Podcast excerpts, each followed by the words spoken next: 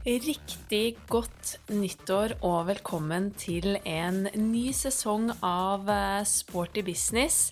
Jeg håper du som hører på har hatt en skikkelig fin eh, jule- og nyttårsfeiring og er eh, klar for det nye året og klar for 2021. Jeg håper virkelig at dette året blir et bedre år for oss i verdens beste bransje, nemlig treningssenterbransjen og at eh, vi forhåpentligvis kan få smake på en litt mer normal hverdag etter hvert. For eh, mange så ble det jo ikke helt den starten vi hadde håpet på i 2021, ettersom det nå kom nye nasjonale tiltak.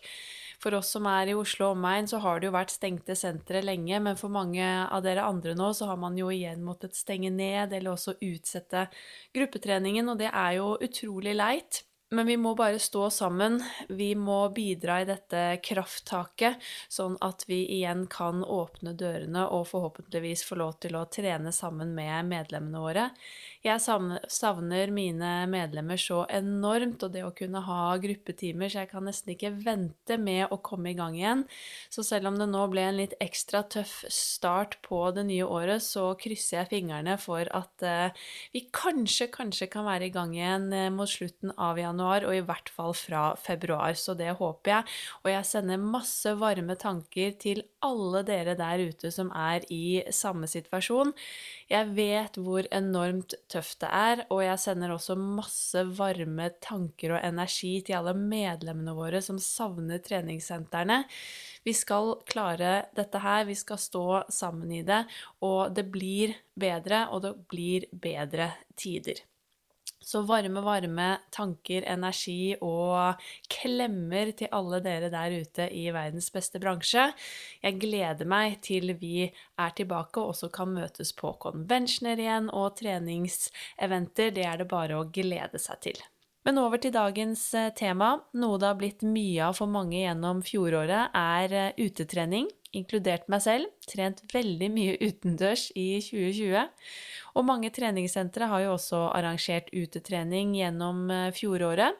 Og min erfaring er at veldig mange av medlemmene faktisk har satt pris på den type trening og det tilbudet. Både bevegelse og frisk luft. Det er jo en genial kombinasjon, og spesielt for de som da kanskje tilbringer hele dagen innendørs i forbindelse med jobb, så er det utrolig deilig å kunne kombinere det å være ute og også få beveget kroppen og få en deilig treningsøkt. Utetrening har kommet for å bli, og jeg tror at treningssentre generelt bør tilby utetrening, spesielt på vår- og sommerhalvåret, også utenom koronatid, fordi dette er et tilbud som folk virkelig setter pris på. I tillegg så er jo utetrening perfekt å tilby for deg som driver eget, og som kanskje ikke har tilgang på et lokale, fordi det er jo så utrolig mange muligheter utendørs. Og en som virkelig har lykkes med utetrening og faktisk gjort det til sitt levebrød, det er Katrine Bach i Fredrikstad. Hun driver aktivitet i sentrum og leverer både kurs og drop-in gruppetrening utendørs. Så i dag så skal dere få lov til å høre hennes historie og hva som skal til for å virkelig lykkes med utetrening. God lytt. Hjertelig velkommen til Sporty business, Katrine. Tusen takk. Veldig hyggelig å få lov til å skravle med deg akkurat i dag. Nå har jeg tatt turen til Fredrikstad, og vi skal skravle om gruppetrening og utetrening. Så det gleder jeg meg veldig til. Kan ikke du fortelle litt eh, til lytterne våre om hvem du er? Ja. Eh, jeg heter da Katrine Bach eh, og er opprinnelig fra Sarpsborg, men har bodd i Fredrikstad nå i flere år enn i, i Sarpsborg, egentlig. Er 42 år og driver da mitt eget eh, som heter Aktivitet i sentrum. Mm. Og hvordan havnet du i treningsbransjen? Har du vært i treningsbransjen, var liksom det målet, og visste du at det var dit du skulle, eller har det vært en tilfeldig reise? Den har vært Den har vel egentlig vært tilfeldig. Eh, men samtidig, når man ser tilbake, så kanskje man skjønner allikevel at, man, eh, at den havna der. Eh, jeg har alltid vært veldig glad i å være aktiv. Eh, begynte å trene på treningssenter når jeg var 13. Eh, og elska det fra første sekund. Eh, det var jo på Sefa, hvis, til alle som husker de her Sefa-buksene og det som var veldig stort på 90-tallet.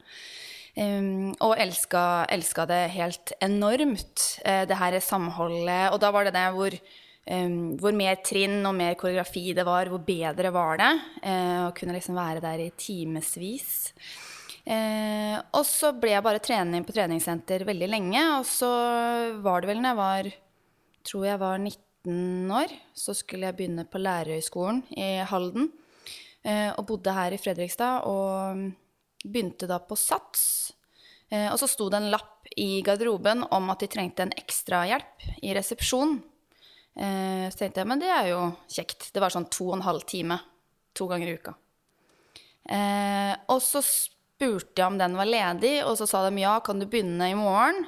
Uten å ha intervjua meg eller noen ting. Og så ja, men det kan jeg jo. Og så har jeg vært i bransjen siden da, egentlig. Eh, så da gikk det veldig på den her eh, jobb i resepsjon, og så brått en dag så ja, men du bør ikke bli treningsveileder, og så eh, hoppa jeg inn der. Um, og så gikk det vel kan tenke meg Det gikk to år, og så hadde jeg en leder som så For jeg var jo med en, Og når jeg jobba der, var med på timer hele tiden. Og da sa hun 'Nå blir du instruktør'. Ferdig snakka. Og jeg har alltid vært ekstremt sjenert. Ja. Eh, og slete veldig mye med det. Eh, fra jeg var ganske liten og gjennom skole, skolegangen i alle år. Eh, så jeg sa det er helt uaktuelt at jeg skal stå foran noen. Eh, det skjer ikke. Skulle ikke tro det i dag. Nei, det er rart, det der. Og det er litt sånn rart. Alt, uh, alt, man sier man ikke skal, og ender opp med allikevel. Uh, men det er klart, det var jo en mer erfaren person som så sikkert noe i meg, da. Så Men jeg begynte kanskje i en veldig annen rekkefølge enn kanskje en del andre med gruppetrening. For da i SATS var det noe som het balanse, som var satt sitt konsept innenfor hva skal jeg si, å prøve å tilnærme seg yoga. Eh, så det var det jeg begynte med. Det var liksom ikke den her aerobic eller eh, høypuls eller de her timene. Eh, men det var det da jeg gikk kurs, og min leder sa da men vi sender deg på kurs, og så hvis du finner ut at du ikke passer til det, så, så kan du få slippe. Men vi prøver. Så, så det var liksom min start. Ja. Mm. Har du jobbet på senter eller i bransjen da helt til du valgte å begynne eget? Ja. Så jeg begynte i 99, eh, og så starta da eget i august for fem Ja, det blir fem år nå i august, da. Ja. Mm. ja. Snart 25-jubileum. Mm. Ja. ja. Men hva vil du si er det aller beste med jobben din, da, eh, jobben din i dag, eller jobben i bransjen generelt? Det er jo helt klart først og fremst altså alle menneskene en møter. Eh, jeg føler meg jo ekstremt heldig som får ha en jobb der du får så mye energi av andre og får gi det tilbake hele tiden. Eh, selvfølgelig så er treninga Aktiviteten er jo liksom i hovedsetet hele tida, men det er, jeg er veldig opptatt av det sosiale, da. Eh, og alt det andre rundt i tillegg som liksom skaper det her eh, lille ekstra, da.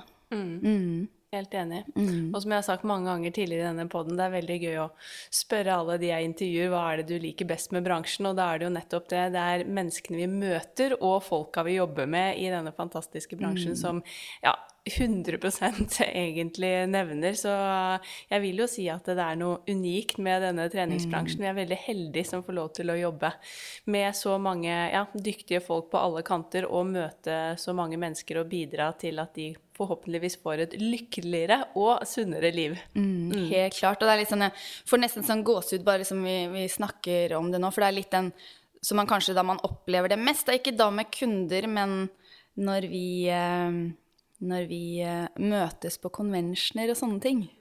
det er jo da man får den her Wow! Ja. For en bransje vi er i! Det er jeg helt enig. Ja. Det savner jeg veldig nå. Så, Helt ekstremt. ja. Så jeg gleder meg til vi kan møtes igjen og være like gærne som jeg har Ja. vært på conventioner tidligere. Helt klart. Stort savn. Men du driver jo nå da aktivitet i sentrum, som du nå snart har femårsjubileum med. Mm. Du tilbyr både personlig trening og gruppetrening. Kan du ikke fortelle litt om hva aktivitet i sentrum er? Og hvordan denne oppstartsfasen var, eller ideen bak, når du valgte å ta steget ut og satse på eget firma? Ehm, der igjen, tilbake til ting man eh, sa man ikke skulle, men endte opp med å gjøre, så har jeg fått mye spørsmål opp igjennom hva hvis du kunne gjort Og det er mange, mange år sia. hvis du kunne gjort hva du ville. For jeg, jeg har, hadde ikke bestemt meg for at jeg skulle bli i bransjen egentlig når jeg var i 20-åra, egentlig. Ehm, hadde liksom et mål om å Ja, men jeg skal ta en annen utdannelse og litt sånne ting. Eh, og så sa jeg det siste jeg i hvert fall vet jeg ikke skal gjøre, det er å drive for meg selv.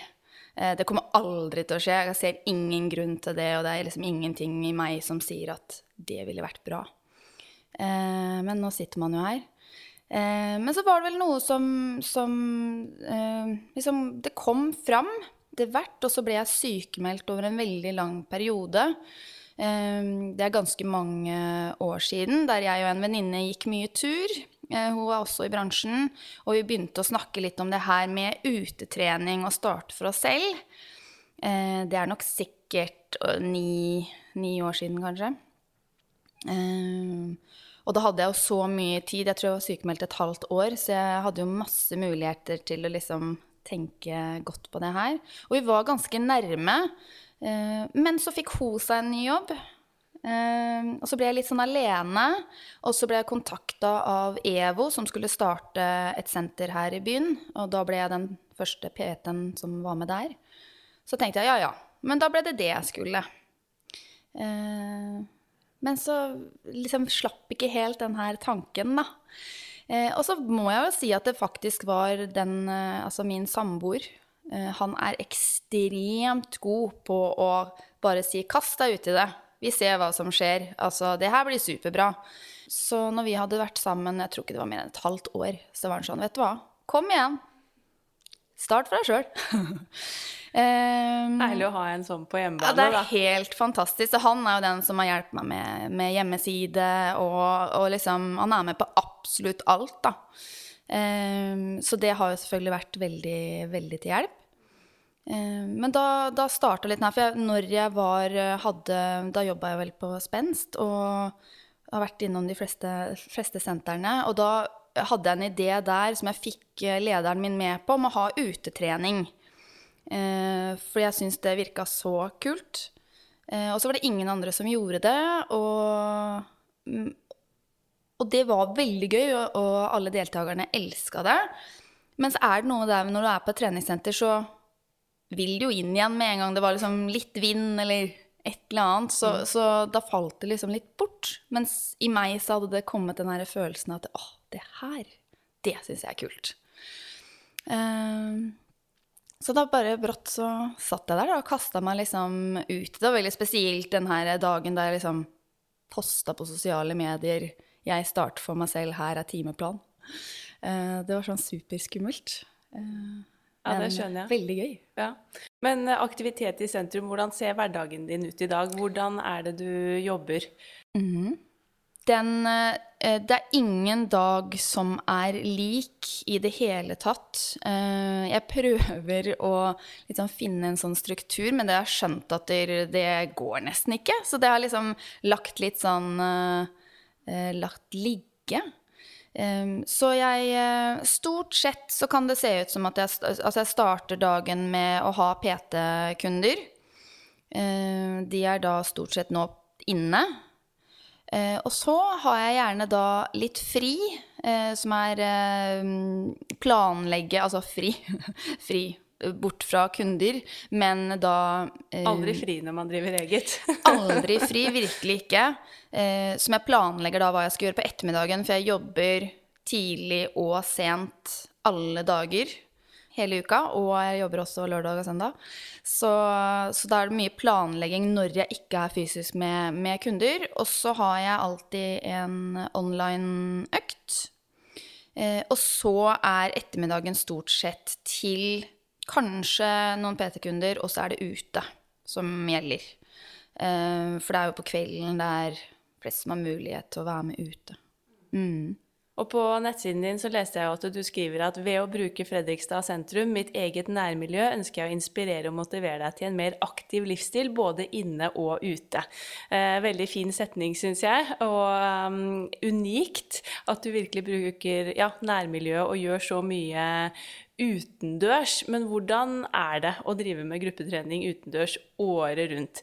Jeg har selv eh, holdt eh, noen bootcamps fast eh, ute, og jeg må må jo innrømme at det å stå opp da det var tidlig på morgenen, og liksom det har snødd og det er kaldt eller det blåser Altså det er jo ikke like, like fristende alltid å gå ut. Hvordan klarer du liksom å stå i det, og opplever du at folk møter opp uansett vær og vind? Ja, den, den var Jeg må jo være ærlig at den var tyngre i begynnelsen, da man kanskje trodde det skulle være enklere for alt var nytt og du var litt sånn gira.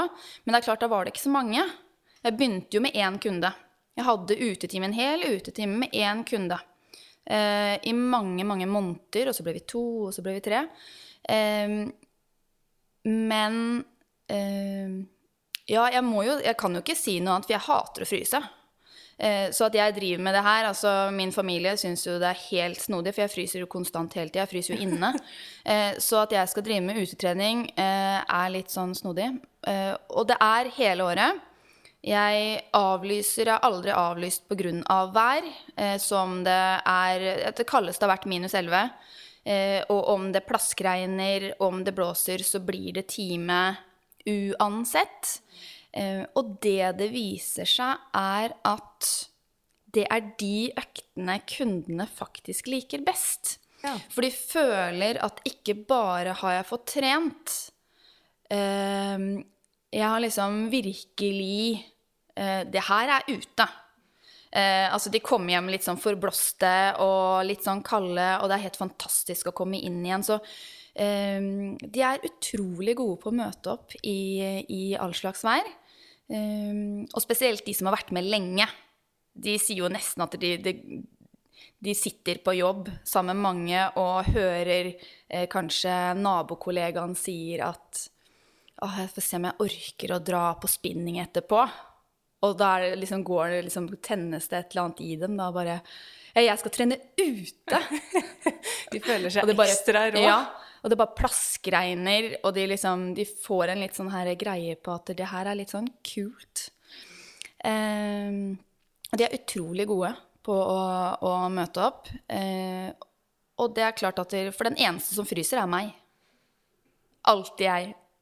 Uh, så jeg har ikke følelse i fingre og tær uh, på slutten av øktene fra sånn cirka november og fram til mars. Men hvor viktig vil du si at det å aldri avlyse en økt uansett vær og vind er for å lykkes med den type trening, da, eller det å drive ja, for seg selv utendørs? Jeg, for meg så har det vært helt, helt avgjørende. Eh, på grunn av at jeg vet at andre som eh, gjør det samme, gjør det motsatte. Eh, de avlyser og sier at når vi tar det inne isteden, eh, eller at det ikke blir noe, eller utsetter det. Og det er klart at Da har allerede de kundene kanskje fått barnevakt, de har dratt hjem før fra jobb, de har tatt med treningstøy på jobben, og de har liksom eh, gjort seg mentalt klare kanskje hele dagen til at de skal ut og trene, og så blir det avlyst. Eh, så jeg tenker jo at de øktene er kanskje ekstra viktig, for når det er sol og fint vær, så liksom, da er det jo veldig hyggelig å bare møtes ute i en park uansett, på en måte. Eh, så jeg tror at det er veldig, veldig viktig. Eh, og ser jo også nå, nå, nå hadde vi nå Det var jo et sånn uvær eh, forrige uke. Eh, og da var faktisk jeg syk, så jeg kunne jo da ikke ha timen. Og da får jeg da bilder senere på kvelden av mine kunder som har dratt ut allikevel. I uværet og trent til samme tidspunkt allikevel. Det er jo helt fantastisk. Ja. så, ja, så det sier jo litt om at det er jo også en, en følelse de ønsker, det er en følelse de liker å ha. Mm, det å være ute og være aktiv og være sammen. Ikke sant? Ja. Ja, og det er jo like viktig, vil jeg også si, i gruppetrening generelt, også på sentrene, det å aldri avlyse en time. Det er noe jeg pleier å si på alle kurs jeg har, eller hvor enn jeg er, at det aldri avlyse en time, uansett da hvor Da er det jo ofte fordi at kanskje det er få som møter opp på en gruppetime, men det er jo nettopp det du sier nå, da. Folk har kanskje ja, fått kabalen i hverdagen til å gå opp, og fått barnevakt og administrert eh, arbeidsoppgaver, og de har gledet seg, tatt med seg treningstøy, som du sier, gjort seg klare. Og da er det jo en utrolig kjip følelse å enten ikke føle at uh, du på en måte er viktig nok, for det er ikke mange nok til at det blir trening, eller at uh, ja, ting bare utsettes eller avlyses. Og det tror jeg også er helt essensielt for å lykkes, og spesielt sånn som du uh, jobber. Mm. Og det siste året så har jo utetrening egentlig, vil jeg si, fått en, et løft. For vi har jo blitt tvunget Absolutt. til å måtte trene ute under lockdown. Og Ja. så får vi jo se hvordan verden blir videre. Men jeg tror jo at eh, utetrening også har kommet for å bli. For i hvert fall min opplevelse er at mange nå som litt har blitt tvunget til å trene ute, egentlig har fått et veldig en positiv opplevelse, inkludert meg selv, egentlig. Syns nå det har vært eh, ja, fantastisk å trene ute. Og mange sitter jo inne hele dagen og jobber, så er det deilig å komme ut og få frisk luft i tillegg og være utendørs. Men eh, hvordan legger du opp dine økter, hvis du skal gi noen gode tips til andre som driver eget og som bruker eh, ja, naturen. Det, bruker du mye utstyr f.eks.? Lager du ulike økter fra hver gang? Hvordan tenker du når du eh, planlegger disse utetreningene? Ja. Jeg bruker ekstremt mye tid på å planlegge de her timene. Det har jeg liksom bare innsett at det er noe som er kjempeviktig for at det her skal gå bra. Eh, av at jeg bruker så å si aldri utstyr ute. Det er kanskje en eller annen økt der jeg gir beskjed om ta med en strikk. Eh, men det er det. Eh, og vi bruker også veldig lite ting ute. Vi bruker selvfølgelig trapper, benker, eh, diverse. Men, eh, men stort sett bare egen eh, kroppsvekt. Eh, og nå har det jo blitt da en ekstra utfordring på grunn av at før så har jeg brukt at de kan bruke hverandre. Eh, at de kan være to og to, eller alt fra å bære hverandre, eller altså typ trillebår, eller korrigere hverandre. Altså vi har hatt mye sånne ting. Eh, mens vi nå da skal være lenger fra hverandre. Vi har hatt mye stafetter, vi har gjort mye Altså kan vi ikke gjøre det lenger heller, da. Eh, så, så jeg må bruke mye tid på å planlegge, og jeg har aldri hatt en økt som er lik. Nei, det er imponerende. Eh, så Gjenbruker du noen økter? Har du jeg liksom gjenbruker, gjenbruker, men aldri fra start til slutt. Jeg bytter alltid ut, så det er aldri en økt som er lik. Nei. Eh, og det er jeg fullt klar over at det skaper jo mye jobb for meg, men det har blitt en greie. Eh, men jeg gjorde også det mye på når jeg jobba på treningssenter også. Eh, Setter eh, deltakerne dine pris på det? For jeg tenker noe, Noen liker jo kanskje at det er mye forutsigbarhet, og liksom at man virkelig opplever mestring, og at man vet hva man kommer til. Mm. Eller eh, hvordan syns du det har blitt tatt imot? jeg tror det er grunnen til at jeg har de kundene jeg har. Ja. Ja. Eh, For jeg har fått tilbakemelding én gang av en som sa at jeg må vite hva jeg skal gjøre hver gang. Eh, hvis ikke så, så får jeg liksom ikke helt det her til å gå opp. Og, og da måtte jeg jo si at det tror jeg ikke jeg kan love deg. Dessverre. Um, men jeg får nok mest tilbakemelding på at det er akkurat derfor de syns det er så gøy. Eh, og at det er en grunn til at faktisk Vi har ganske store grupper, eh, eh, og mange av de har vært med i, i mange år. Så de føler at de går glipp av noe hvis de ikke kommer. Eh, for vi har jo en Facebook-gruppe der jeg poster før og etter økta og litt sånne ting òg. Så eh, hvis det er mange da som skriver at 'Å, økta i dag var helt sinnssykt', det var, og så føler du at de har gått glipp av noe. Og siden jeg ikke har gjort det før, og antageligvis ikke kommer til å gjøre den økta senere igjen heller, så, så er det også en grunn til at veldig mange kommer hver gang. da. De er litt sånn 'Hva skal vi gjøre i dag?' ja. Ja. Og du nevnte jo tidligere at du begynte med én, og så kom det to, og så kom det tre Mm. på denne utetreningen. Hvor mange er dere blitt i dag? Ja, nå har vi jo gått ned igjen, da, av korona. Eh, så jeg hadde jo eh, noen grupper der vi var eh, For jeg kjører kurs, så da er det jo over en viss periode, og det er de samme menneskene som er hver gang. Eh, og da har jeg hatt opp mot 40 eh, fast i én gruppe, men så har jeg, tre forskjellige nivåer. Eh, så, så det er litt forskjellig på, på de, men nå er vi jo da Vi får jo lov her til å være 19 pluss meg. Ja. Eh, Så vi er jo heldige sånn sett. Men det føles veldig, veldig rart. å for jeg har ventelis, venteliste på utetimer, Å og måtte si nei. Eh, Når, for jeg er den eneste som har utetrening i den byen her nå. Og vi er helt alene ute i store parker og alt mulig. Og så må jeg si nei til en person. Nei, du kan ikke være med, for da blir vi 21. Eh, Det føles veldig rart, for vi, vi kan jo ha fem til ti meter mellom hver person.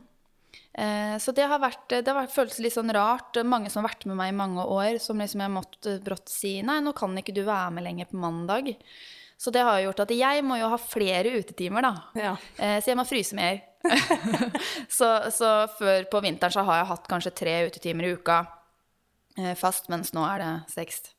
Så i tillegg til bedrifter og sånne ting. Men, eh, men Så det har jo vært en utfordring nå. At liksom endelig, når jeg hadde liksom fått opp virkelig store grupper, og det var så kult, da, og så Nei. Så man må si nei til folk. Ja, det skjønner jeg. Vi får bare krysse fingrene for Ja. at det ikke tar altfor lang tid før vi er tilbake til Ja. de gode gamle dagene med både Sant. convention og store grupper ute. Men hva vil du si er det mest utfordrende å jobbe sånn som du gjør, spesielt med tanke på dette med utetrening? eh, Med tanke på både plass hvor dere skal være, utstyr, ikke utstyr. Har du opplevd at du har planlagt en økt, og så kommer dere et sted, og så er det ja, vært opptatt av noen andre, f.eks., osv.? Jeg, jeg er nok heldig på en måte at jeg har vært den første som har starta med utetrening her i byen. Vi er jo en ganske, altså vi er jo Norges sjette største by, men det, virker det er en ganske liten by allikevel. Så altså, det er ikke mange store parker og sånn. Det fins liksom ikke her på den måten, sånn som i Oslo. Eh, Men jeg har vært heldig på grunn av at jeg har kunnet vært ganske alene. Eh, Og i hvert fall høst og vinter. eh, Så kan jeg være hvor som helst. Eh, og det har gått helt greit, bortsett fra hvis det er snø, og det er mye barn som er ute og aker i bakker der vi hadde tenkt å ha bakkeløp og sånne ting, men, men det er ikke noe problem. Altså, det er jo egentlig bare hyggelig. Altså, vi syns det de gangene det har vært noen der vi er, så har det også vært litt sånn Oi, så gøy! Nå blir vi enda flere. Det ser jo litt kult ut når det brått nærmer seg liksom 50-60-70 stykk som er ute og trener. Altså, det er jo litt gøy, da. Ehm, så jeg må vel si at der, eh, det er jo mer den her, selvfølgelig, hvis du har bestemt deg for at nå skal vi bruke de benkene her, som aldri noen sitter på, og selvfølgelig den ene gangen du skal det, så er det da en skoleklasse som har piknik akkurat der. Ehm, men, men du lærer deg etter hvert å liksom ha den her eh, lappen med plan B, Uh, som det står 'hvis ikke benk, så gjør vi dette'. Jeg skulle til å si det, for man må jo være ganske Ja, man må Ja. kunne improvisere, være, løsnings, være løsningsorientert. Ja. Helt ekstremt. Og det, det kan stresse en, men hvis du har alltid liksom den her eh, plan B og C, eh, så går det veldig, veldig bra. Så den største utfordringa var vel egentlig i ja, rundt april, mai, når eh, det da åpna opp igjen for at en kunne trene ute først fire og så ti. Så skulle jo alle det. Eh, Så den parken som er helt fantastisk her i byen, som jeg har hatt helt alene i fire år, der var da brått Spenst og EVO og Sats og Family, Friskis og Svettis Alle hadde grupper der. Og så skal alle ha avstand mellom sine deltakere pluss avstand til hvert da arrangement, da. Eh, Da var det ganske vanskelig, skal jeg være helt ærlig, å liksom Ja. Jeg følte ikke at jeg kunne være den Øy, det her er parken min. så det var veldig gøy, for det gikk seg til etter hvert. Men, eh, men det var utfordrende. For da, for da var liksom var det to bakker, og begge de var brukt, og du hadde sagt liksom i dag skal vi ha bakkeintervall, da skjer jo ikke det. Eh, og så tenker du nei, men da går vi til de benkene. Nei, der var det også noen. Eh, så den var faktisk litt verre. Men det var jo for en veldig kort periode. Ja. Ja. Så nå er vi alene igjen. Ikke sant? Og som du sier, det å alltid ha en plan B og gjerne C og D er Ja. jo utrolig viktig. Og Veldig. når det da skjer uforutsette ting, så er det jo da også mye tryggere å vite at ja, men dette har jeg faktisk planlagt for, Ja. så du slipper å bli så utrolig stressa for at uh, ting ikke går som planlagt.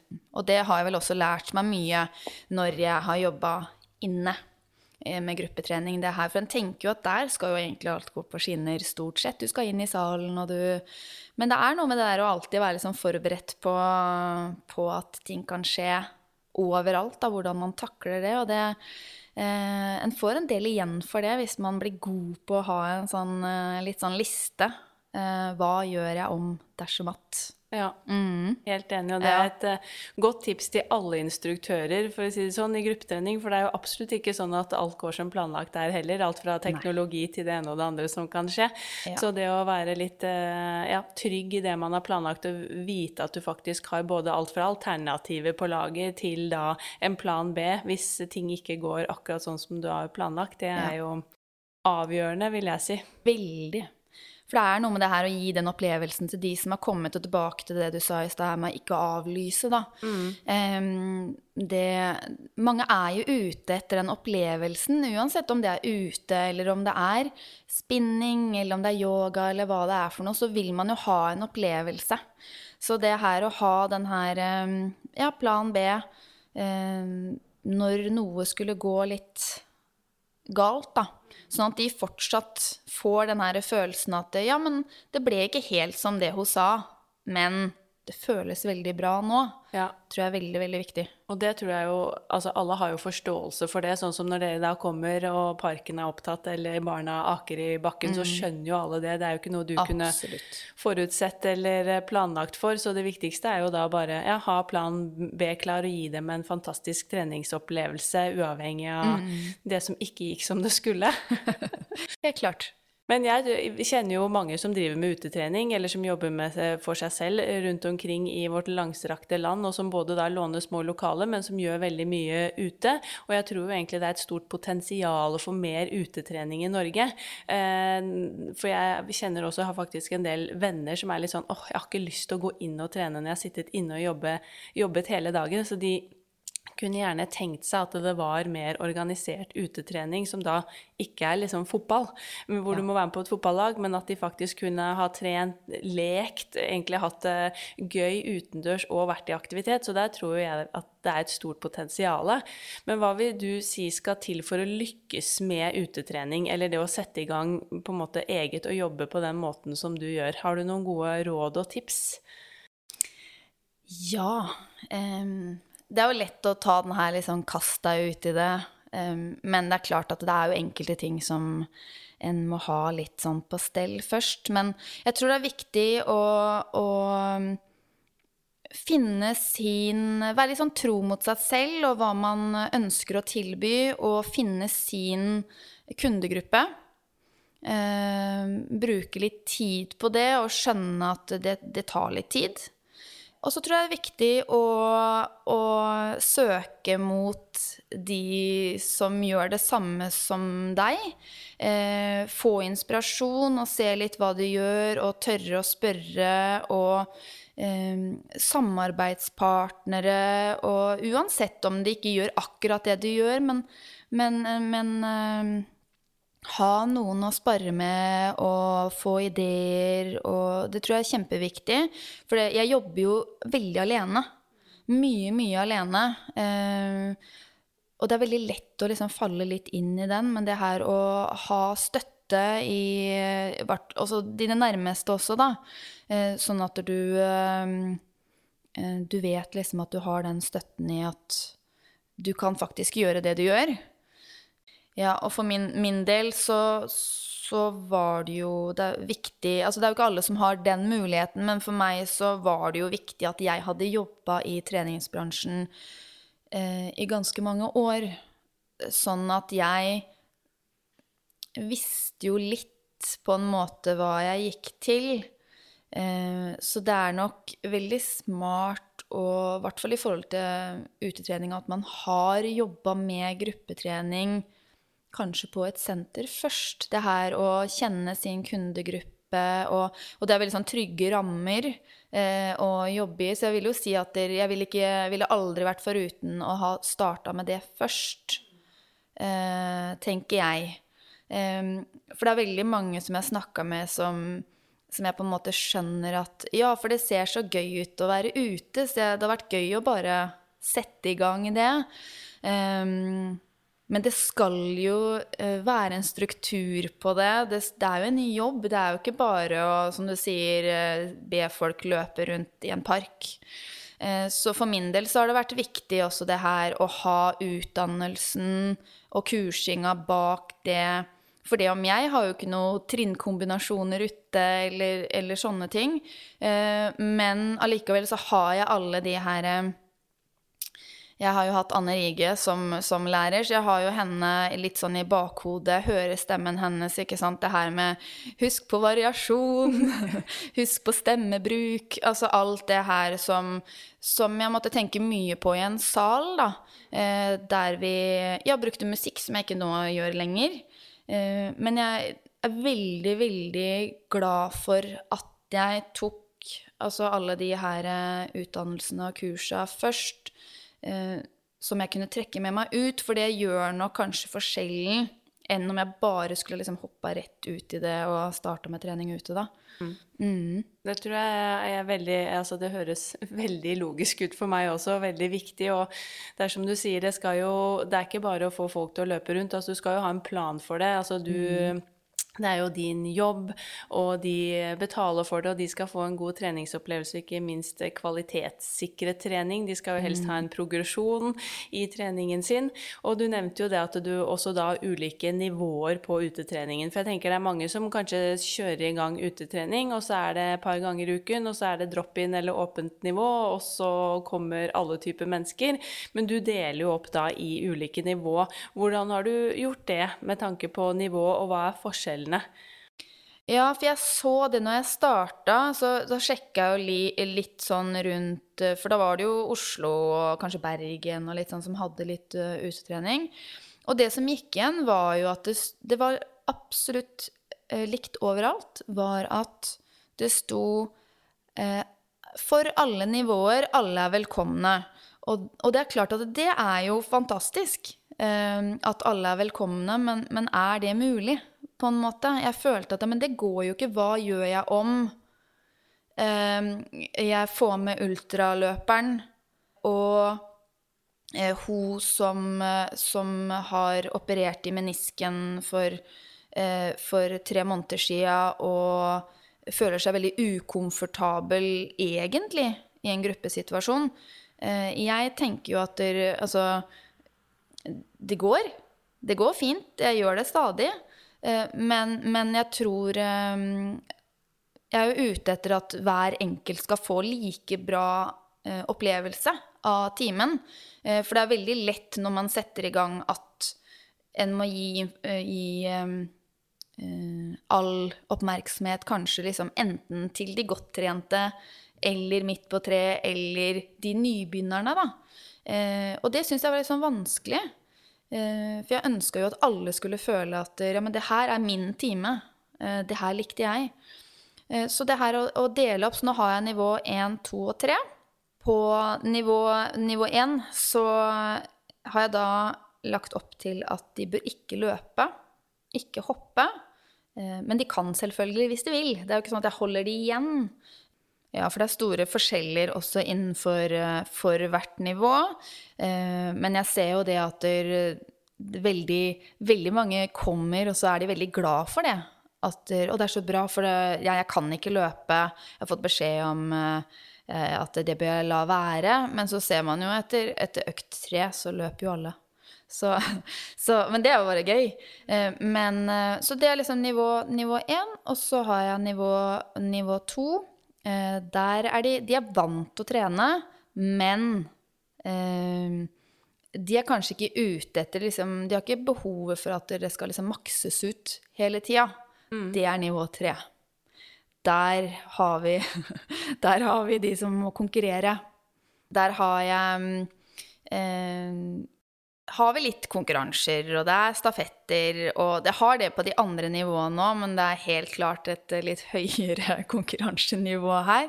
Eh, og det vet også de andre nivåene om, fordi vi snakker jo litt sånn imellom mellom nivåene, så de lurer jo hele tida på ja, hva gjorde de på nivå tre denne uka her, kunne jeg vært med på det? Eh, så Men jeg tror det er veldig viktig det her å, eh, å skille Vi er forskjellige. Eh, vi snakker jo om det hele tida, om at eh, vi er jo forskjellige og vi har forskjellige behov. Så jeg syns det var veldig snodig at jeg skulle komme og si at ja, men alle er like, så alle skal være med på den samme timen. Eh, sånn er det jo ikke. Nei. Og en, på et treningssenter så deler vi jo alltid opp. Der er det jo spinning én, to og tre, og det er nybegynner både yoga og, og dansetimer. Og, så jeg tenkte at det, det bør det også være ute. Um, og det viser seg at det har fungert veldig bra. Og så har jeg da f.eks. på i, i, ferieperioder og sånne ting som jeg kanskje har stopp i kurs, så kan jeg sette opp drop-in-timer. Men da kan jeg heller si at dette er for alle. Eh, og da vet alle det at ja, men hvis jeg vanligvis er på nivå tre, så, så kan det blir kanskje ikke like hardt som det vanligvis gjør. Eh, men det her er for alle. Jeg får trent godt. Ja. Eh, men her vil det også være mange som er ganske nye til trening. Eh, og det er også kjempemorsomme økter, for da finner jo veldig mange ut at der, eh, det er jo det sosiale enn også er ute etter. Det er jo ikke så nøye egentlig med den der stafetten om de vant eller ikke. Men uh, da Så det er veldig, veldig gøy. Ja. Det med nivåinndeling tror jeg er veldig lurt, og der tror jeg mange har mye å lære, også egentlig i treningsbransjen generelt. For selv om vi deler opp en del i, også på gruppetrening, da, så er vi også gode på å slenge på den der setningen 'passe for alle' på timebeskrivelser, og det er jeg litt sånn allergisk mot, for jeg tenker at eh, vi skal tørre å dele inn, eller altså, ja, dele inn trening treningen på ulike nivå. For det er jo viktig å ikke miste de som er da godt trente og trenger den ekstra utfordringen, for dem blir det for kjedelig eller for lite utfordrende å komme på en eh, enkel time som skal da passe alle som er dratt ekstremt ned i nivå, mens de som da trenger den nybegynnertimen, eh, de har behov for det, eller så mister vi dem hvis de kommer på en time som eh, ja, det står at det passer for alle, men så drar instruktørene kanskje i en helt annen retning. Så der tror jeg vi har mye å lære, og det å da dele opp i nivåer er jo, tenker jeg, kan virke også trygt for folk. Spesielt for de som da er nye og har lyst til å komme i gang, men så ser man også da at man har jo noe å strekke seg etter. Man kan jo bevege seg opp til nivå tre hvis man vil, så det tror jeg er uh, veldig smart. Ja, og jeg, jeg, jeg opplever kanskje også det her med, med med at det er jo lettere å få med, med flere. Eh, og, og hvis, vi, hvis, vi, snakker liksom det brede med hvorfor vi gjør hva vi gjør, og en snakker liksom sant, folkehelse og få så mange aktive som mulig, eh, så er det jo litt her det ligger. Eh, for det er jo akkurat sånn du sier at de som trener mye og er godt trent, de har jo lyst til å bli utfordra. Eh, de har jo allerede vært igjennom de andre nivåene. Så de har jo egentlig ikke lyst til å gjøre det på nytt. Og det er jo helt forståelig, det, det må de jo få lov til, tenker jeg. Eh, eh, samtidig som, som, nybegynneren skal få lov til å være nybegynner, og skal få lov til å være det lenge, tenker jeg.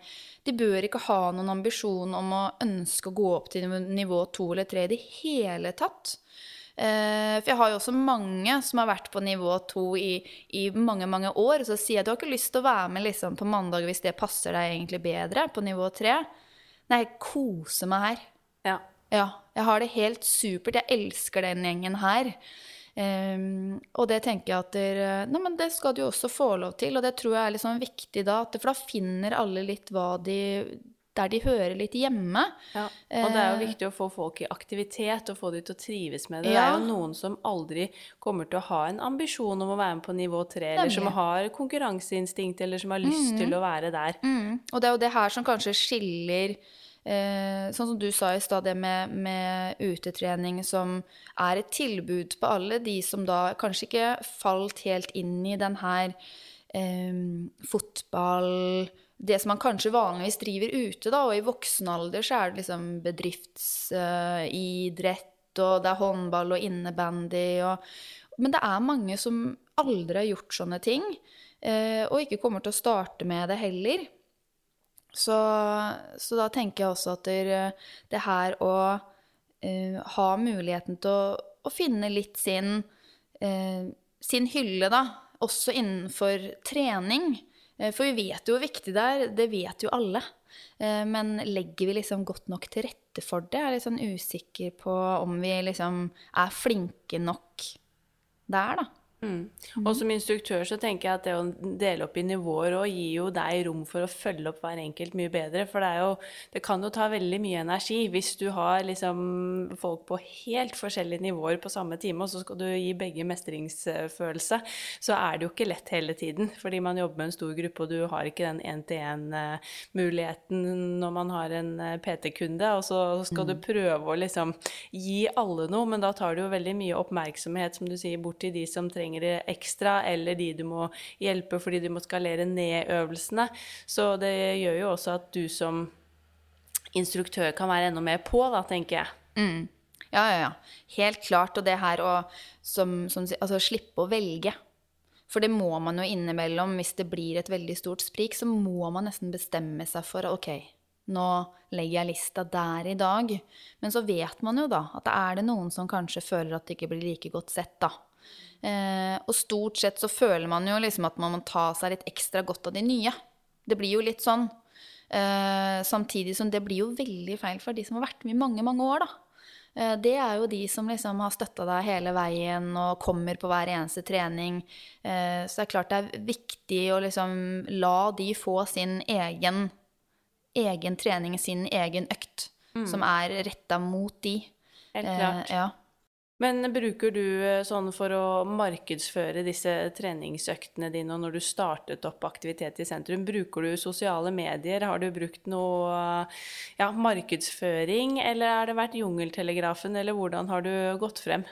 Igjen så har jeg nok vært litt heldig med at siden jeg har jobba i bransjen i såpass mange år, eh, og at byen ikke er større enn det den er, så er det jo litt eh, Er det jo mange som vet Eh, visste hvem jeg var. Eh, og mange hadde jo trent med meg mye før. Eh, og sånn er det jo med instruktører. Altså, ofte så er jo mennesker De får jo sine favoritter. Altså Enten så liker de deg, eller så gjør de ikke. Sånn er det jo bare. Så jeg hadde jo allerede litt min gjeng eh, som liksom heia fra dag én. Når jeg sa at nå skal jeg starte for meg sjøl, så var de sånn Selv om de kanskje blir på et treningssenter, så var det sånn Jeg kommer. Altså ja. Eh, så, så, jeg var litt heldig der. Så det er klart hvor flere sånne man har, eh, og hvor flere snakker jo de med andre. Så, men jeg, jeg brukt mye Facebook har jeg egentlig brukt mest. Eh, det fant jeg jo altså Det er der min kundegruppe er. Eh, for jeg har jo gjennomsnittsalderen på mine kunder ute er jo ja um, 40 ca. Eh, og da er det Facebook som blir eh, er liksom mediet der. Eh, Instagram også, men, men eh, det bruker jeg mye, og det fungerer. Det fungerer kjempebra. Eh, så, men, eh, men, jeg er helt avhengig det, det, går jo, det brytes jo bare ned til altså Liker de det jeg gjør, så snakker de om det. og det er jo helt avhengig av. Mm. Ja, jungeltelegrafen, den ja. er ganske avgjørende for Helt å lykkes. Helt klart. Mm. mm. Men du var jo også inne på dette med, at, uh, dette med folkehelse, og hva vi egentlig ønsker å få til. Vi som jobber i uh, treningsbransjen, det er jo det vi ønsker. At vi klarer å få enda flere folk aktive. Men hvordan syns du vi gjør denne jobben generelt? Er det noe vi kan bli dyktigere på, eller syns du vi er en god folkehelseaktør per i dag? Syns jo vi er gode, da. Jeg, jeg syns jo faktisk det. Selvfølgelig så kan jo alltid bli bedre. Det stopper jo liksom aldri. Men jeg syns jo egentlig vi er, eh, er gode og har vært det lenge. Eh, så jeg er litt sånn andre veien, da. Jeg syns jo kanskje treningsbransjen får mye tyn. Eh, vi, vi, får for lite oppmerksomhet hva vi gjør for folkehelsa. Eh, for jeg syns vi egentlig gjør en kjempe, kjempegod jobb. Eh, både på treningssentrene og om det er ute, om det er store sentre eller om det er små. Den jobben som legges ned og har blitt lagt ned i så mange år. Og det er klart det har vært en stor utvikling, og den vil jo bare fortsette. Men så mange mennesker som benytter benytter seg av bransjen vår, og vi ser jo hver dag hva det gjør med de menneskene vi er borti, eh, for helsa deres på alle mulige måter, så føler jeg vel kanskje at vi, vi er fortsatt litt der at veldig mange ser på oss som en litt sånn hobbybransje. Eh, og det er ganske utrolig. Eh, siden vi er jo ganske populære. Altså det er mange som bruker oss. Eh, og vi har vært der, vi er godt synlige og vi har vært der veldig, veldig lenge. Og allikevel så Jeg vet ikke. Jeg føler ikke vi får den kreden vi faktisk bør få. Nei. Jeg kan være litt enig, og jeg føler at uh, ja, samfunnet, eller om man skal si ja, myndighetene, eller Jeg føler ikke helt heller de kanskje ser da, den fantastiske jobben vi gjør, og at vi kanskje kunne ja, fått At det hadde vært litt mer fokus på å bruke alle de fantastisk dyktige aktørene i bransjen mm. i et større folkehelsearbeid generelt? Ja, jeg tror Altså, vi har Altså, som, som land, tenker jeg, altså vi har så mye å gå på, da. Um, for vi har mye plass også på treningssentrene, og det kommer stadig nye. Det er masse, masse bra. Um, men så tror jeg det Ofte så kommer det så lett fram, om det er media altså, Så kommer det fram at med en gang det er treningssenter, så er det ofte snakk om uh, um, doping, kontroller på sentrene, kroppspress, eh, slanking Altså det er ofte de overskriftene, og det er det det snakkes om, og det er det det skrives om, da. Eh, føler jeg ofte mye mer enn kanskje faktisk den gode jobben som gjøres rundt omkring. Eh, mens idretten får ofte liksom den det, det, breddeidretten og idretten de, de, blir veldig sånn støtta hele tiden. Mens vi liksom er en sånn egen eh, jeg tror, Noen ganger så skjønner de ikke hvor store liksom, kanskje bransjen er. Og hvor mange mennesker vi faktisk kan nå ut til, og som vi gjør hver eneste uke, da. Um, og det ser de jo litt sånn nå i Oslo og Bergen, der det faktisk har blitt stengt ned, og hva det gjør med folk. Ja. Uh, hvor viktig det er for folkehelsa. Eh, og det ser jeg nå på mine spesielt utetimer. Altså, jeg tror jeg aldri har hatt bedre oppmøte. Eh, for nå, sånn som mange sier, at det her er jo min kohort. Altså, det er her jeg kan være sosial. Eh, det her er den ene gangen i uka jeg kan møte noen andre enn mine nærmeste. Det her er jo som et arrangement. Hver eneste gang jeg er på trening, så er det jo som om jeg skulle på en liten fest. Eh, så jeg tror det er ekstremt viktig. Eh, mye mer enn ja, vi øker VO2 maks, og vi bygger muskler. Altså det er så mye mer. Mm. Eh, og nå er det jo snakk om psykisk helse, har jo vært på agendaen nå. altså Det hører vi om hver eneste dag. og der tenker jeg at det vi driver med, er så viktig. Ja, virkelig. Mm. Og du har jo sett ja, virkelig engasjement det også har vært omkring disse her lockdownene, når treningssentrene faktisk har blitt stengt. Altså Folk savner jo sentrene, og det er en sosial arena, og ja, hvor viktig fysisk aktivitet er.